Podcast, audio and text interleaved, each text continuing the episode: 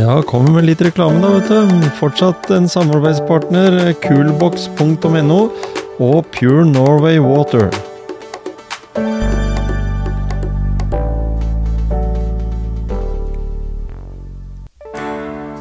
En ny episode i Motivasjonspreik. Denne gangen har jeg snakket med Nils Apeland. Han er toastmaster for Talelisten. Og det er Norges største samling av foredragsholdere.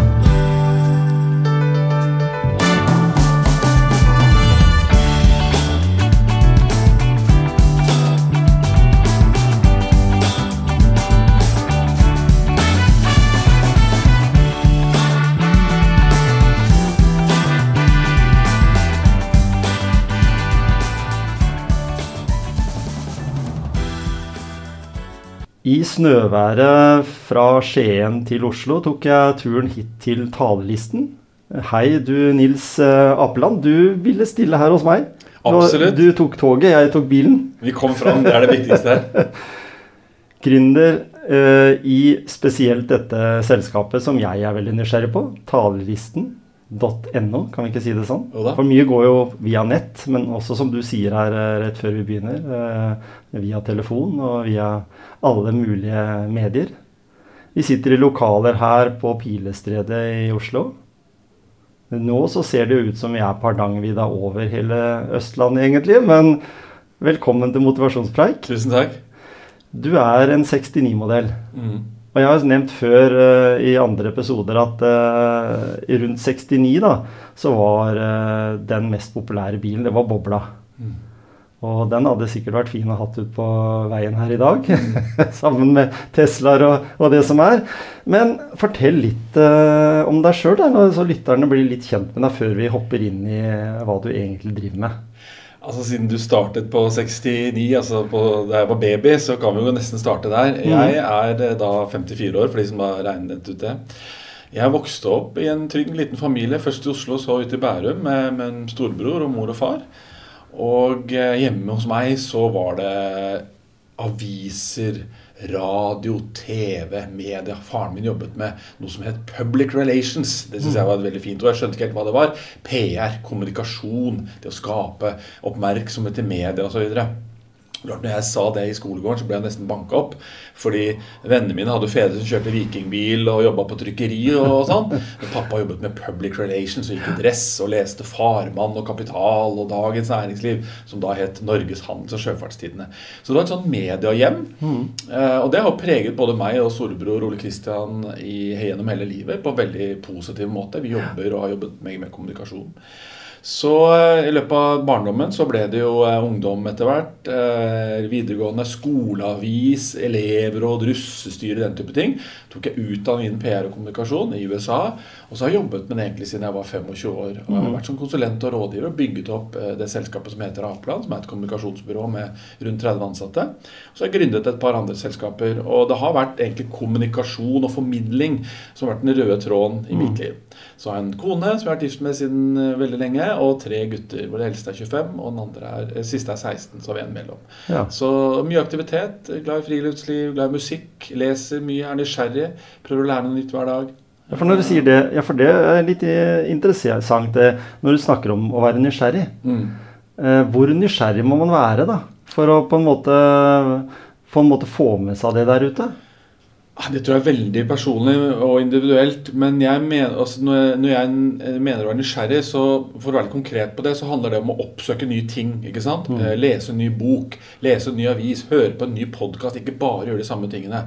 Eh, eh, Lese en artikkel om noe du egentlig ikke vet så mye om, men kanskje har lyst til å være det. Men det må jo være innen ditt felt. altså Jeg er f.eks.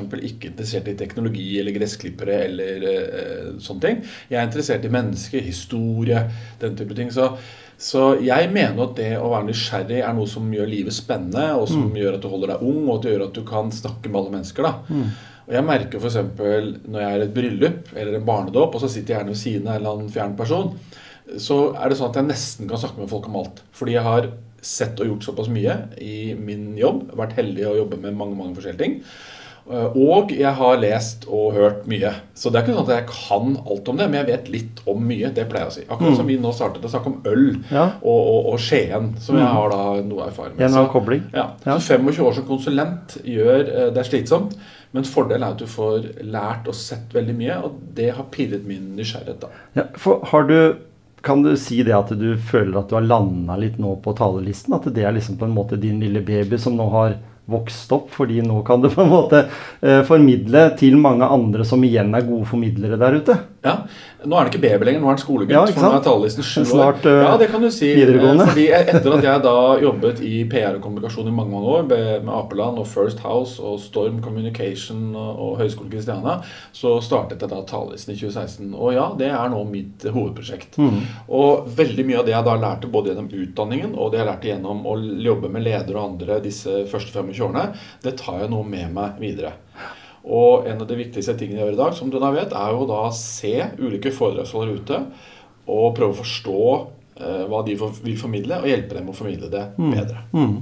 Og så er jo dette som jeg tenker på, det å bygge opp mennesker. Eh, fra å kanskje ikke ha helt trua på en, en ganske forholdsvis god idé, egentlig. Alle har jo ikke eh, samme egenskap når det gjelder formidling. Det er ikke normal altså Jeg går ikke rett inn i den malen og så sier at det her eh, har du rett. Men du kan ha noen påvirkninger, da. Eh, Hva, hva føler du at eh, er din eh, Du må jo inspirere noen til å ha trua. Hva, hva er din hovedgreie der? Du er, du er jo flink til å prate for deg, du kan mye eh, og sånn, men, men hva er det som på en måte sier at yes, der har vi et gullkorn, eller han der eller hun der skal være med oss? Jeg tror det jeg er bra på, er eh, kan vi kalle TV-modellen. Tydelig og vennlig kommunikasjon. Mm. Jeg legger vekt på når jeg møter foredragsholdere eller ledere som skal bli bedre til å formidle, de kommer gjerne til oss. Enten at de melder seg og sier 'jeg vil gjerne være med på den talelisten din', hvordan kan jeg få til det? Eller jeg gjør innimellom konsulentoppdrag med ledere som f.eks. skal holde en stor og viktig presentasjon. Da forsøker jeg først å bygge en relasjon til dem. Forstå hvem de er, hvor kommer de fra, hva er viktig for dem. Jeg intervjuer dem i gåsetegn med å liksom forstå hva er, det du, vil- hva er det du ønsker å oppnå. Hva, er det du ønsker hva, hva, hva vil du med dette? Er du ute etter å tjene penger? Vil du bli en bransjeekspert? Hva er motivasjonen din? Prøver å liksom lese dem som mennesker. Og det er veldig ulikt. Ikke? Noen er unge og har store ambisjoner. Jeg snakket med en ung kvinne som var her forrige uke, 26 år gammel. Ikke-etnisk norsk. Og hun sa 'jeg vil snakke på NHOs årskonferanse'. Og det er kanskje noe av det høyeste du kommer i Norge. Sant? Da er det hennes motivasjon. Mens en annen sier 'jeg har en spennende jobb, men jeg kunne godt tenkt meg holdt litt foredrag på siden'. Så det første er å forsøke å bygge en relasjon og bygge en tillit og forstå hva de vil. Og så ønsker jeg da å se dem i aksjon på et møterom eller i en sal. Jeg drar og ser et foredrag. Og så forsøker jeg å forstå hva de ønsker å formidle. Og de to kunnskapene, når jeg først vet hva de ønsker å få til, og når jeg ser hva de formidler, da kan jeg fort se hvor er det det er noe som er kjempebra og kan forsterkes. Det kan være historiefortelling, det kan være eksempler, det kan være måten å involvere salen på, det kan være humor, det kan være presise formuleringer, originalitet, mange typer ting. Og så forsøker jeg å fortelle det til dem, at dette er bra, her må, det må du gjøre mer av, og hva som kan bli bedre. Det kan f.eks. være at du har en veldig spennende historie på slutten her, men den bør komme først. Eller når du begynte å fortelle da du begynte å fortelle om bestefaren din, det der var en bra historie, men der lå det en mye større potensial til å fortelle den historien bedre. Eller jeg kan si, jeg falt litt av da du begynte å snakke om den der motivasjonsmodellen. Den forsto jeg ikke. Den bør vi få laget bedre, bedre grafikk på. Så, og så tror jeg jeg ville gjort sånn og sånn. Og så coacher jeg talerne eller lederne på hva det berører. Og så skjer gjerne resultatet i en dialog. Og, og der kommer det med tydelighet inn, for der er jeg veldig tydelig. Og det vet de som kjenner meg, at jeg kan være veldig tydelig og presis på det. Jeg er ikke redd for å si det jeg mener. Jeg sier det på en hyggelig måte. Håper folk opplever det. Men de får veldig konkrete råd og tips når de går ut fra et møte med meg. Og de fleste er takknemlige, og de fleste takker. Det er sikkert noen som er sure, men de eh, hører ikke noe Ja, ja, for, ja, for nettopp det der tenkte jeg da, når du eh, er tydelig. Eh, I samfunnet i dag, i 2024 har vi kommet til nå, eh, så er det å få tydelige tilbakemeldinger for noen veldig sterkt. Er altså du har kanskje en du har lyst- til å fortelle om ditt liv som har vært kanskje ikke så bra. eh, og den historien, f.eks. innen psykisk helse, da, som er veldig, veldig i skuddet, eller veldig aktuelt. uh, så kommer du med tydelige tilbakemeldinger i en historie som er kanskje litt sånn tåredryppende og sårbar. Uh, hvordan syns du det blir? Altså, du tenker på, du er jo en voksen mann, du skal gjøre dette her til unge mennesker som har veldig trua på den eh, oppveksten, den, det de har vært igjennom. Jeg tror det går tilbake til det første jeg sa, nemlig at hvis du først etablerer en trygg relasjon, mm. og den personen forstår at jeg vil dem vel, så er det mye lettere. Mm. Jeg pleier også ofte å si og fleipe litt med det at jeg er veldig direkte. Ja. Så når du kommer hit og ber om hjelp, til og med betaler for det, så får du det. Mm. Ja, ja, sier folk da. Ja. Så veldig ofte går det greit. Men jeg håper jo også at jeg har evnen til å kalibrere mm. min tilbakemelding. Klart står det en sårbar person og, og, og gråter eller, eller, blir voldsomt berørt av noe vedkommende gjør, mm. så forsøker jeg å se det positive i det, og det det kan brukes. Og jeg forsøker også, misforstå meg rett, å se skille litt sånn sak og person. Fordi la oss si det kommer en person og sier 'jeg har veldig lyst til å formidle eh, rundt f.eks. selvmord', da. Mm. Så hjelper det jo ikke publikum i et foredragssammenheng, en foredragssal, om den personen på en måte får en tilfredsstillelse av å snakke om selvmord, hvis ikke salen sitter igjen med noe. Nei. Og Da kan jeg f.eks. si, da, nå bare tenke høyt, at, at, det var veldig flott da du fortalte om det, og sånn og sånn, men eh, jeg syns ikke du skulle være så detaljert i det du fortalte der. Og på slutten kunne jeg gjerne tenke meg ett eller to eller kanskje tre råd med hvordan du kom ut av dine selvmordstanker. For da kan de som sitter i salen, mm. bruke det til noe. Tror du du kan få til det? Ja, det kan jeg få til. Sant? Så det skjer jo i en form for dialog. Mm. Og som sagt, etter at den personen forstår at jeg vil dem vel.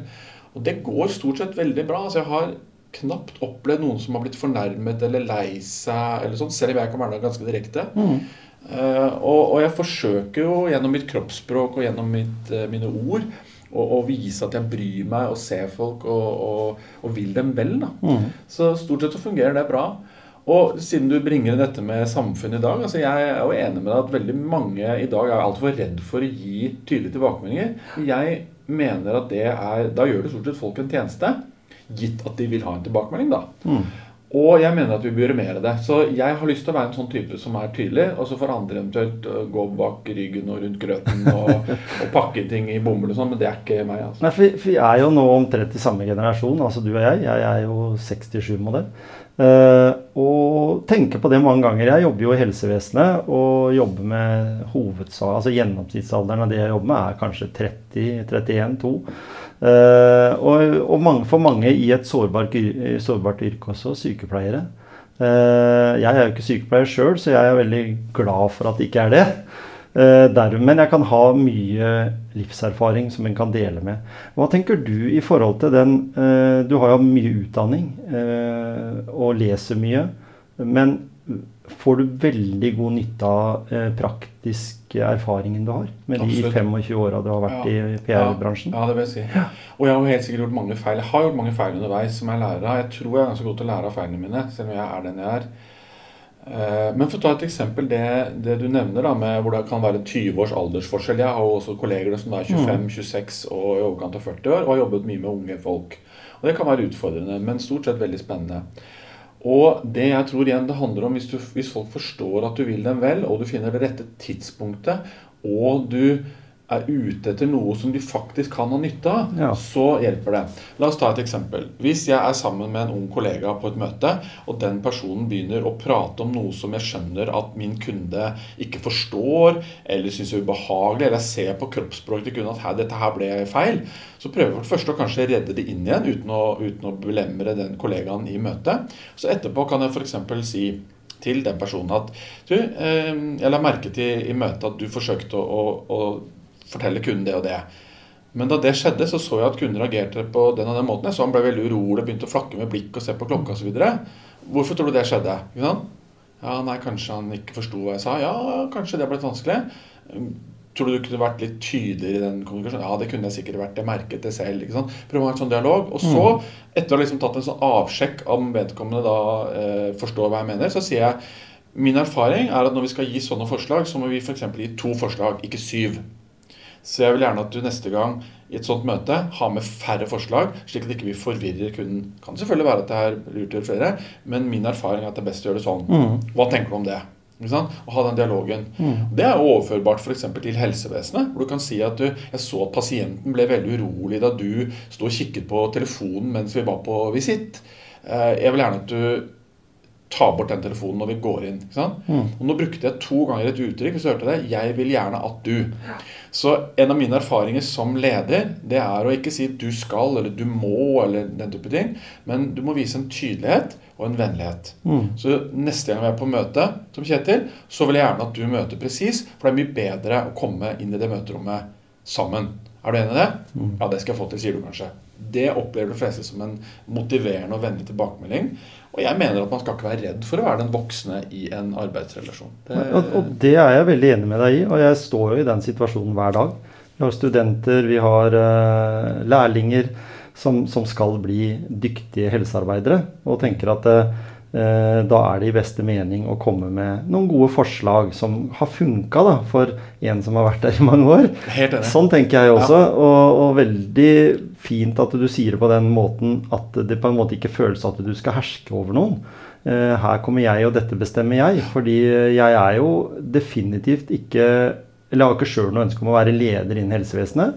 For jeg vet hvor mye styr det blir bare med budsjetter og turnuser. Så de, de får jo ikke jobbe med mennesker. Det er jo det jeg elsker. Eh, og da tenker jeg det at hvis en kan få den over på eh, disse unge som tar en ut fra seg en, en god vurdering der og da, eh, fordi det er det de kan, så er det alltid veldig viktig, som du sier, å, å ta det på en sånn forsiktig måte, sånn at ikke de føler at de gjør noe gærent. For det gjør det jo ikke, det er bare at du kan gjøre det på en litt annen måte, tenker jeg. Ja, enig. Og så tenker jeg det er et par ting som jeg har lært av gode folk på talerlisten og oss selv. Og det er bl.a. timing. Tidspunktet er veldig viktig. Så hvis du og jeg f.eks. var kolleger, og vi gjorde mange ting sammen, og jeg hadde lyst til å gi deg en tilbakemelding, så kunne jeg f.eks. sagt som Kjetil, har du et kvarter i morgen? Jeg har lyst til å ta en liten prat med deg om de siste kundemøtene vi har hatt. Så sier du kanskje nei, vet du hva, det passer dårlig fordi jeg skal ikke sant? Så jeg, Men åssen er det på fredag? Ja, på fredag passer det fint. Ok, Da tar vi et møte mellom 9 og 10 f.eks. Da. Da har jeg sagt at jeg er interessert i en prat med deg. Du har sagt at det passer, istedenfor å ta det på vei ut når du skal hente i barnehagen eller et eller annet sånt. Eller du kan være stresset eller syk for den saks skyld. Så det er for det første sagt hva det er. Og så kan jeg starte den samtalen etter man har liksom kanskje satt seg og fått en kaffe osv. Sagt at du, eh, nå har vi hatt en del kundemøter i det siste. Hvordan syns du det har gått? Og da kan det hende at ved et sånt spørsmål så får jeg den responsen jeg vil fra deg, hvor du sier For å være helt ærlig, Nils, jeg, jeg, føler meg, eh, jeg, jeg, jeg føler meg skikkelig ukomfortabel i det møtet. Sier du kanskje. Og så sier jeg hvorfor det? Så kan det hende at du selv har innsett det som jeg skal ta opp. Istedenfor å si 'nå skal jeg lære deg'. Så Jeg tror, jeg tror veldig på den dialogbiten. Mm. så tror jeg samtidig på å bevare tydeligheten. Det er ikke sånn at alle er like flinke og alt er like bra. Men, men det å først avdekke er vi liksom på samme noteblad når det gjelder det vi skal snakke om nå? Har vi samme opplevelse? Har vi sett det samme? Og så forsøke å snakke om det som kan bli bedre. Men, men det, er, det er vanskelig. Det er ikke noe enkelt. Og, og man kan jo ha en helt ulik oppfatning av både totalsituasjonen og den enkelte situasjonen, så man må trå litt varsomt fram. Men jeg mener fortsatt at som leder så er jobben din å være tydelig og hjelpe medarbeiderne å nå de målene de har satt, og veilede dem på best mulig måte. For, ja, for når du sier det på den måten der, så, så tenker jeg også at eh, en person som eh, blir møtt sånn i døra Du, kan ikke vi snakke om det, og så blir det bare en sånn halvveis greie. Blir jo mer sånn eh, når en ikke får prata ut om det. Kanskje mer sånn eh, når den personen kommer hjem og sitter der med kona eller noe sånt. Nei, nå skal Nils han skal hakke på meg igjen. Han hakker på meg hele tida. Istedenfor at du på en måte egentlig skjønner du at eh, ja, jeg har eh, et stort potensial til å bli bedre på, på ulike ting. Det at du tar da den personen eh, over en kopp kaffe i, i ro og mak, det er egentlig en veldig god eh, lederstil, mener jeg, da. Og bare for, sånn- bare for å legge til, jeg er ikke feilfri. Senest eh, forrige uke så gjorde jeg, ga jeg en tilbakemelding som ikke var bra til en av Mm. kollegene mine. Så jeg gjør stadig feil.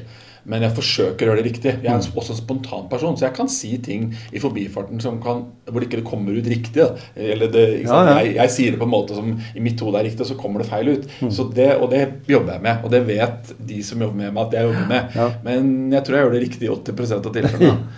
Det holder for mange, det. så er det, som, det er jo som med trening og kosthold. altså Vi vet jo at vi ikke skal spise godteri på tirsdager. Og vi vet at ikke det er lurt å, å være lat, men vi gjør det likevel. Så det er litt sånn at jeg tror mange ledere vet hva slags atferd atferd de ønsker for å motivere sine medarbeidere. Men så Mm. vet vi selv at de ikke klarer det. Og ledere kan jo bli forbanna. Man kan bli sur, man kan bli skuffet, man kan bli lei seg. eh, Man kan være sliten. Mm. Jeg har jo gjort de dårligste eh, hva skal vi si, lederdialogene mine på dager hvor jeg har sovet lite og vært trøtt. ikke sant? Da kan jeg bli litt sånn grumpy. Mm. Eh, så det å i hvert fall få seg et par-tre kopper kaffe før man begynner med det, det er i hvert fall noe jeg prøver. da. Så, men man, det at man ikke er feilfri, er jo bare spennende, for da kan man jobbe mot øh, en form for perfeksjon. Mm. Og når du da er eh, i din alder, 54, eh, er du fortsatt åpen for å lære, eller? Absolutt. Ja.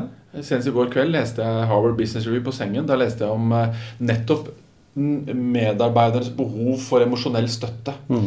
i eh, våre dager. Og at det er noe av det mest krevende som fins. Og vet du hva som var veldig interessant? Det tror jeg vil interessere deg.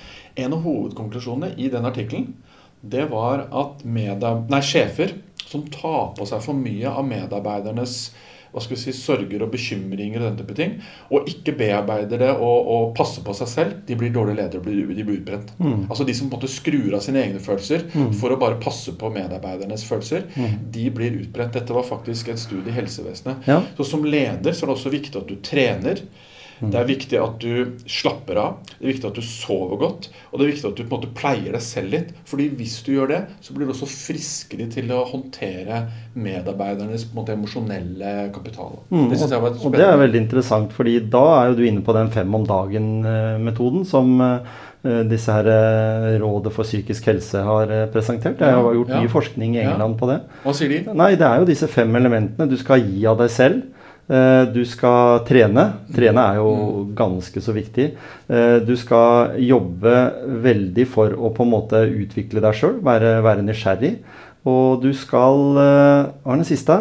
Ja, Det er i hvert fall gå på det konseptet der at med at du skal på en måte, Det har de valgt å kalle det fem om dagen. På samme måte som at du får fem om dagen på frukt og grønt, så får du fem om dagen. Og det går på trening, og det gjør Det, det som faktisk viser seg, det er at hvis du gir andre noe, altså i forhold til at du sier at skal jeg kjøre deg hjem i dag? Jeg ser du sliter med handleposer og, og alt, og jeg har bilen i garasjen, så jeg kan kjøre deg. Eh, bare sånne enkle ting. Skal jeg hente en kopp kaffe? Du gjør det kanskje til og med også fordi du vet at den personen liker eh, å ta seg en kopp kaffe. Det er like eh, motiverende og veldig sånn energibyggende for både den du gir det til, men aller mest av deg sjøl. Det viser faktisk det at vi øker vår egen eh, psykiske velvære ved å gjøre det. Så spennende. Og jeg har til og med lest at de personene som får til å være veldig empatiske og hjelpsomme overfor andre, de lever Mm. lenger. Mm. For du får en egen eh, sin egen glede av å være til glede for Mm. andre. Så det er kanskje en grunn til at sånne gamle, snille bestemødre lever til de er 90 år. Fordi jo, men de er vant til å er vant til det. vant- Ja, ja, de er vant til å, å leve og, og, og være på en måte til tjeneste for andre Nemlig. på en positiv måte. Kjøpe blomster og, og støtte og hjelpe. og så ære være alle som bruker tid på det. Så derfor så er jo det samfunnet vi har i Norge i dag, kanskje litt sånn eh, fraviker fra nettopp det, da. For det er jo veldig dårlig anretta innenfor forebyggende helse eh, i dag. I motsatt til at vi reparerer mange som Mm. er syke. Så, så derfor så er det som du sier, denne gamle bestemora som har brydd seg mye. Eh, stekte vafler på klubbhuset eh, med egne barn og barnebarn og vært liksom sånn hele tida. Ikke vært så opptatt av den eh, personlige formuen sånn når det gjelder penger, men mye mer eh, formuende på, på å gi, da. Eh, som du sier, kanskje det er derfor de lever eh, til de blir mange og 90. Jeg kjenner noen, noen sånne. Det er en generasjon som er sånn 80-90 år. Og det Mm. som kjennetegner de sitter jo omtrent aldri stille. De Nei. jeg kjenner. Og de står på, de stryker klær og ja, drar på menighetshuset Ja, og steker og er med i foreninger og jobber og holder på. Og så er det gjerne barnebarn eller oldebarn, og det, og det, det gir jo dem en veldig stor glede. Det tror jeg er så viktig å huske. Mm. Jeg husker i hvert fall min egen mor som døde i fjor. Eh, Hun var jo svært opptatt av å være til nytte for andre, og svært opptatt av ikke å være til bry. Ja. Hun ville, og Det var den generasjonen hun var født, født i 1934. Ja. Og hun skulle ikke være til bry for noen. Skulle ikke kjøre henne hjem. Nei, nei, nei, jeg kan ta T-banen, ikke sant. Og Mm. trenger ikke dekke på til meg. Det var nesten sånn til de selvoppofrene. Mm. For hun var da den førkrigsgenerasjonen. da. Jeg tror ikke noe på det, men jeg tror vi kan bli bedre i hverdagen. Mm. Men litt tilbake til det med tydelighet òg. Jeg tror at eh, Jeg vet ikke, jeg hørte i det du sa i stad, at kanskje vi i noen tilfeller du sa vi, vi skal reparere kanskje mer enn vi forebygger. Mm. Jeg tror jo også vi kan forebygge litt med å være tydelige med hverandre. Mm.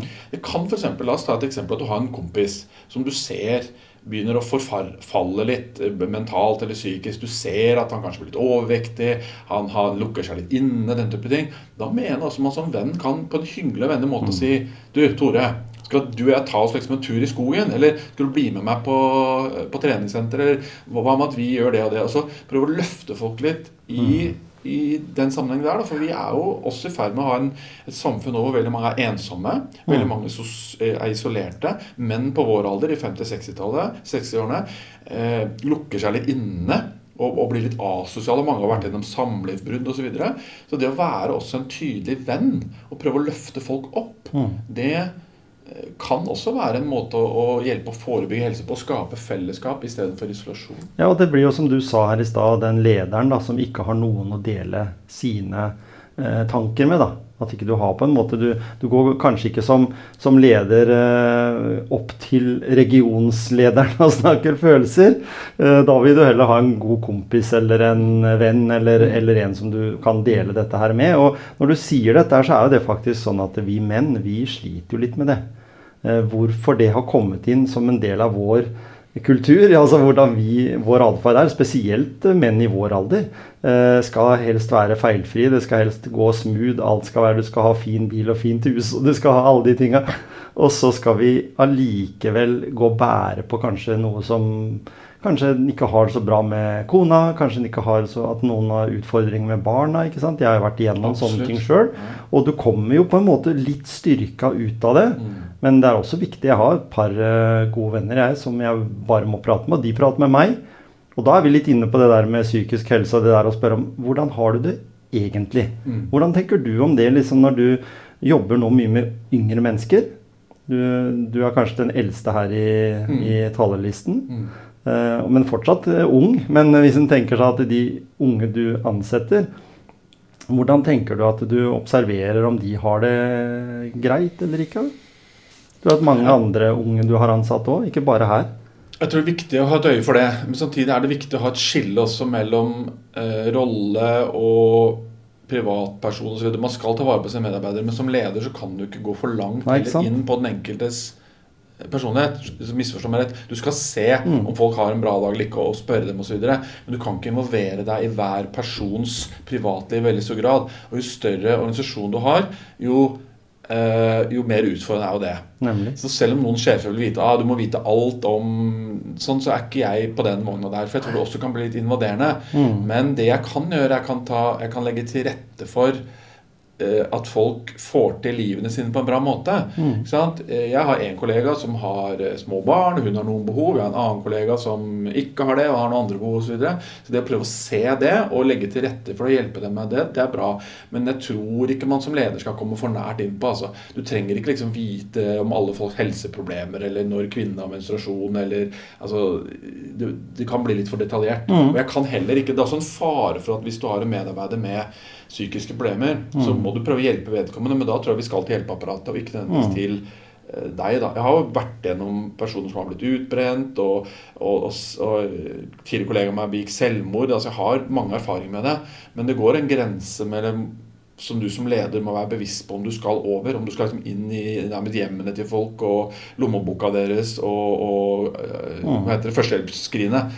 Eh, hvis du skjønner du, du skal se dem og hjelpe dem, men du mm. kan ikke engasjere deg i hvert hver person seg selv. Også fordi din hovedjobb som leder er jo faktisk å få bedriften eller virksomheten eller sykehjemmet eller hva det er til å gå. Mm, det det, og for å sette litt på spissen, da, hvis du som leder har mange medarbeidere og du bruker veldig mye tid på den enkeltes psykiske eller fysiske helse, så kan det hende at businessen går over ende fordi du ikke får mhm. tatt hånd om kunder og salg og de andre medarbeiderne. Så her er det en sånn kjempeutfordrende balansegang, tenker jeg. Mm. Og så har du jo litt den der eh, med, med tanke på at de som skal hjelpe veldig til. En bedrift, Du har vært i sikkert bedrifter du også. Jeg har jo også jobba i Tårnkjeden f.eks., som var ganske stor.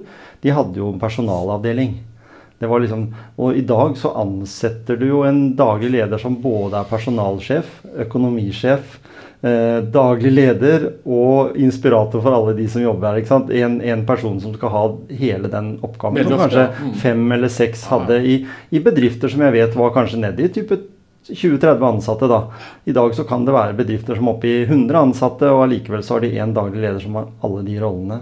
Eh, Og det er jo ikke økonomi for å lønne så mange personer til å gjøre så mange oppgaver. Eh, hva, hva tenker du om de gamle satte arbeidsrollene som var i en ledergruppe før? Savner du en stor, heftig ledergruppe i talerlisten, eller syns du det er kjempedeilig ha kontroll? Nei, Hun har ikke vært så mye med på det, men jeg tror, jeg tror, ikke at Jeg tror ikke det er bra å for mange roller og funksjoner i en organisasjon. Utfordringen i en liten eller mellomstor bedrift, da, når du helt riktig som leder har mange hatter på, mm. det er jo prioritering. Ja. Så det jeg tror man må forsøke å gjøre, er å delegere mye ansvar. At folk mm. får 100 ansvar. Hvis du har ansvar for det prosjektet, eller den, så er det ditt ansvar. Så kommer du til meg hvis du trenger hjelp. Mm. Jeg guider, setter mål, veileder og sparrer. Men det er ditt ansvar å gjennomføre. Mm. Og det er ditt ansvar hvis ikke det går bra. Det tror jeg for det første. Delegering. Da tar du en del oppgaver fra deg selv. Jeg tror at det er viktig at du også forteller medarbeiderne hvordan du prioriterer. Mm. Og sagt at eh, jeg har ikke flere timer i døgnet enn dere. Min viktigste prioritering nå er 1, 2 og 3. Eh, derfor, eh, nummer fire, som du akkurat spør om, det får jeg ikke gjort nå. Nei. Det må jeg ta om to uker. Så en form for forventningsavklaring. da. Det som er uheldig som leder i en virksomhet, hvis du har mange roller, det er hvis alle har forventninger til deg som de håper å få innfridd, men du innfrir ikke noen av dem. Men du kommuniserer ikke rundt det heller. Da vil folk si sånn Hvorfor har han ikke svart på mailen min? Hvorfor har han ikke kalt inn til det møte? Hvorfor har han ikke gjort noe med det? Så jeg tror du må kommunisere mye og ofte mm. på hva du prioriterer. Mm. Men så er det utfordrende òg, for det er ikke sikkert alle får med seg det du har kommunisert. Så Senest på veien hit så var det en kollega som jeg hadde kommunisert noe til alle sammen, men den hadde ikke fått med seg det. Og da er det ikke hennes feil eller min feil, men det er bare en erkjennelse at her har det kommunisert noe som ikke har øh, blitt forstått. Mm. Så man må prøve da, å si mm. at nå er det dette som står på min agenda. Og jeg forstår at det er andre ting som dere ønsker, men det blir ikke nå. Nei, ikke sant? Da tror jeg de fleste forstår det. At den er, at den er eh, ja. forståelig, også at den blir kjent med hverandre ja. på en, på en ja. sånn måte at den vet både de gode og, og kanskje litt av de dårlige sidene også, hvis, den, har hvis den har det. Det har jo de fleste et, på et eller annet vis. Men, jeg tenker også rundt oppgaver. da, At, du, at, du, at du sier La, det som er typisk i en virksomhet, er at det er veldig mange oppgaver som skal gjøres. Og man kan drive noe hele tiden. Det er e-post, og det er utvikling, og det er ditt og datt. ikke sant? Du kan ikke få gjort alt. Og hvis noen da bringer opp noe som de opplever er veldig viktig, så kan man også ta diskusjonen. Ja, vi kan godt gjøre det, men hva er det vi ikke skal gjøre da? Hvilket prosjekt skal vi da eh, ikke gjøre?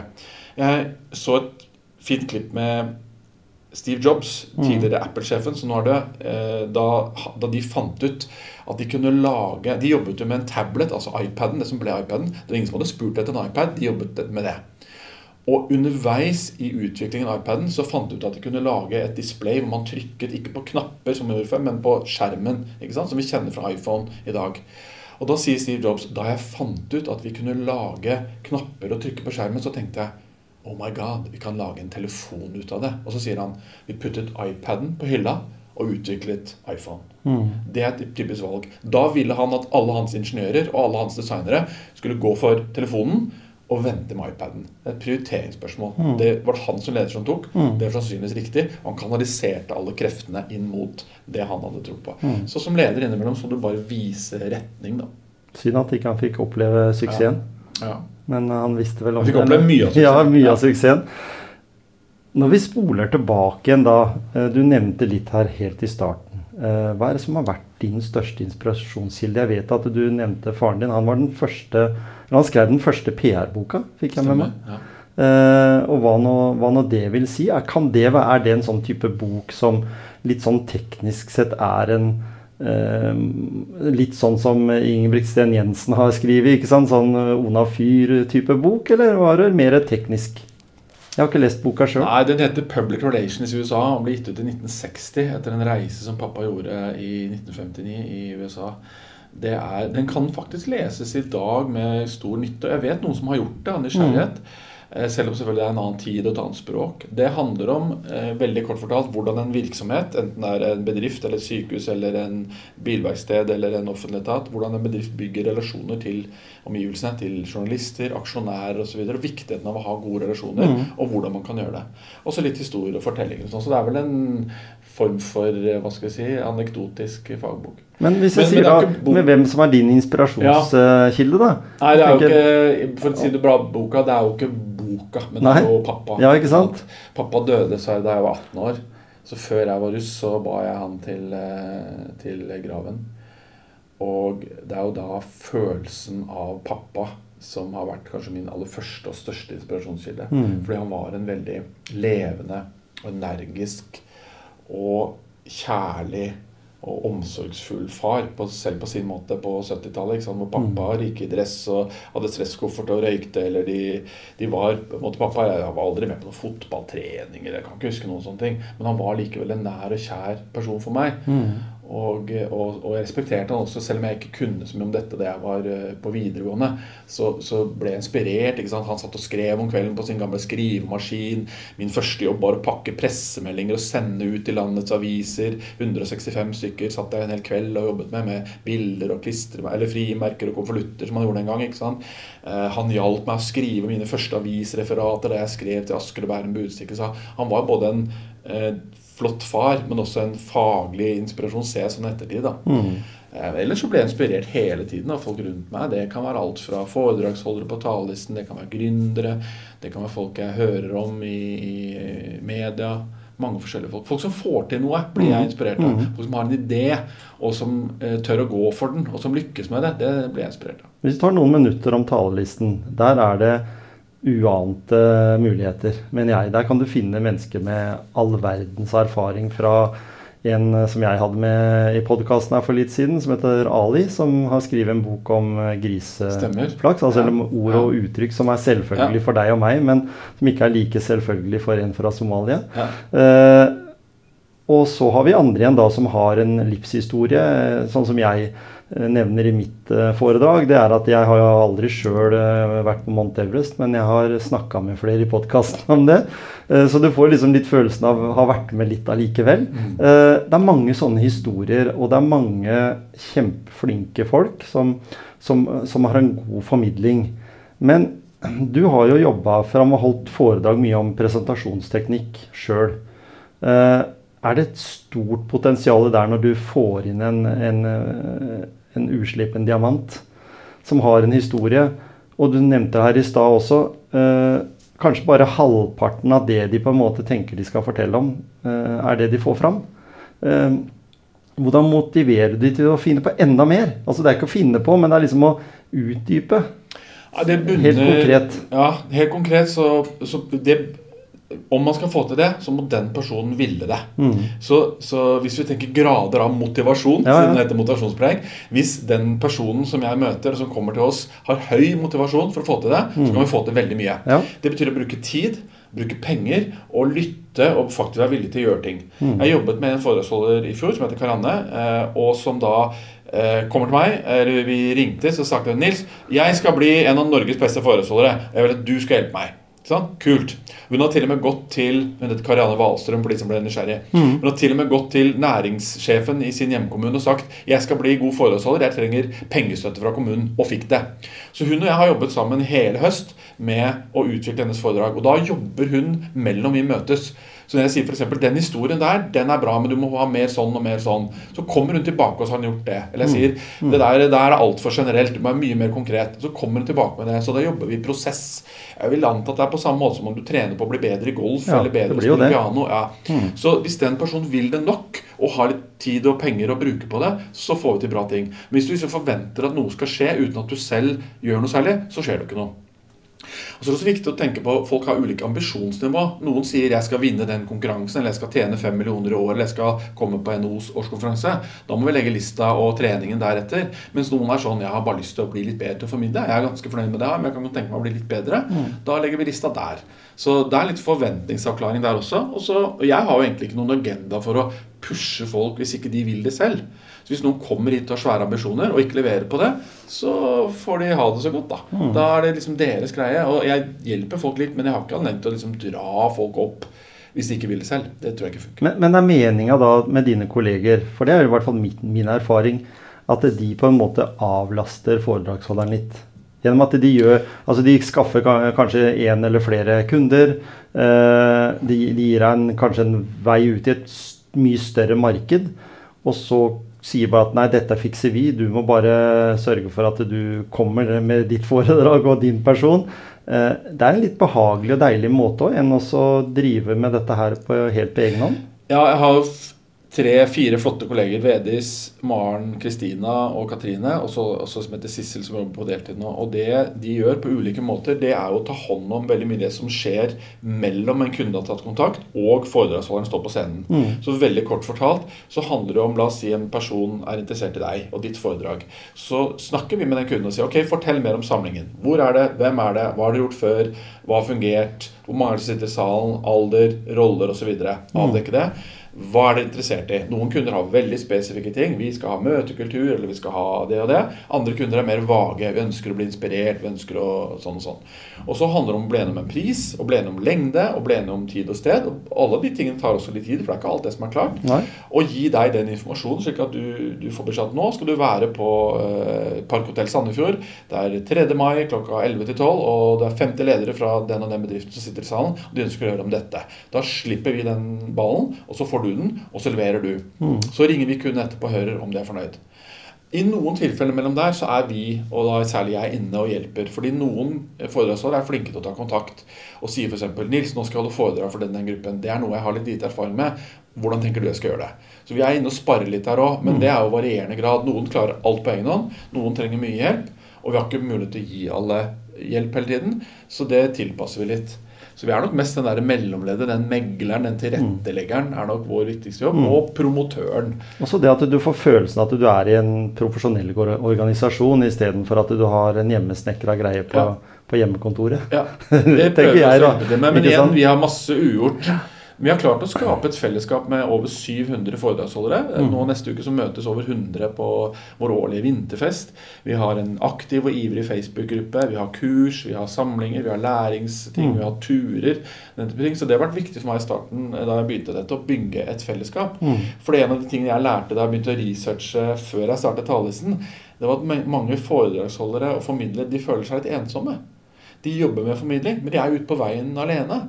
Men de har ikke liksom noen å spare med eller noen, noen klubb som de er med i. Så jeg vil gjerne lage den klubben, og det mener mange vi har fått til. Den er størst i Norge. Mm. Det er jo bare det er jo Mm. kjempebra. Men som jeg nevnte innledningsvis, det er jo den krevende siden med det er jo at alle vil ha mer. så, så alle sender e-poster og meldinger og vil ha flere foredrag og mer i lønn osv. Så, så vi, vi prøver jo igjen da forventningsstyre det. Det er ikke sikkert vi er gode nok på det, men vi prøver da slik at folk føler seg fornøyd selv om ikke det alltid er dem som får oppdrag. Og det handler også om hva man snakker om. Jeg har jo folk som snakker om veldig veldig smale temaer, og som tenker at det er det viktigste, men kundene er ikke nødvendigvis interessert i det.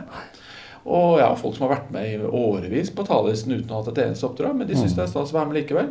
Og plutselig en dag så kommer det noe. Ja. Og du vil nesten bli overrasket hvis du så hvor mange ulike temaer det er. Altså, noen skal ha foredrag om Olav den hellige eller, eller eh, islam. Andre skal ha foredrag noe veldig spesifikt inn mot f.eks. datasikkerhet eller geopolitikk eller valget i USA. Så det er veldig stort spenn. Og derfor har vi så mange òg.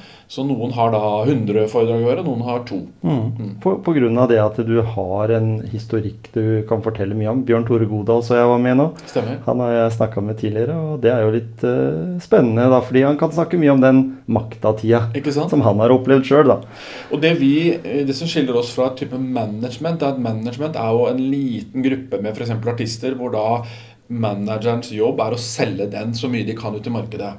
Det vi gjør mer, vi er mer en faghandel. Vi er mer en, et supermarked. Hvor kunden kan komme inn og si har dere noe som dekker mitt behov her.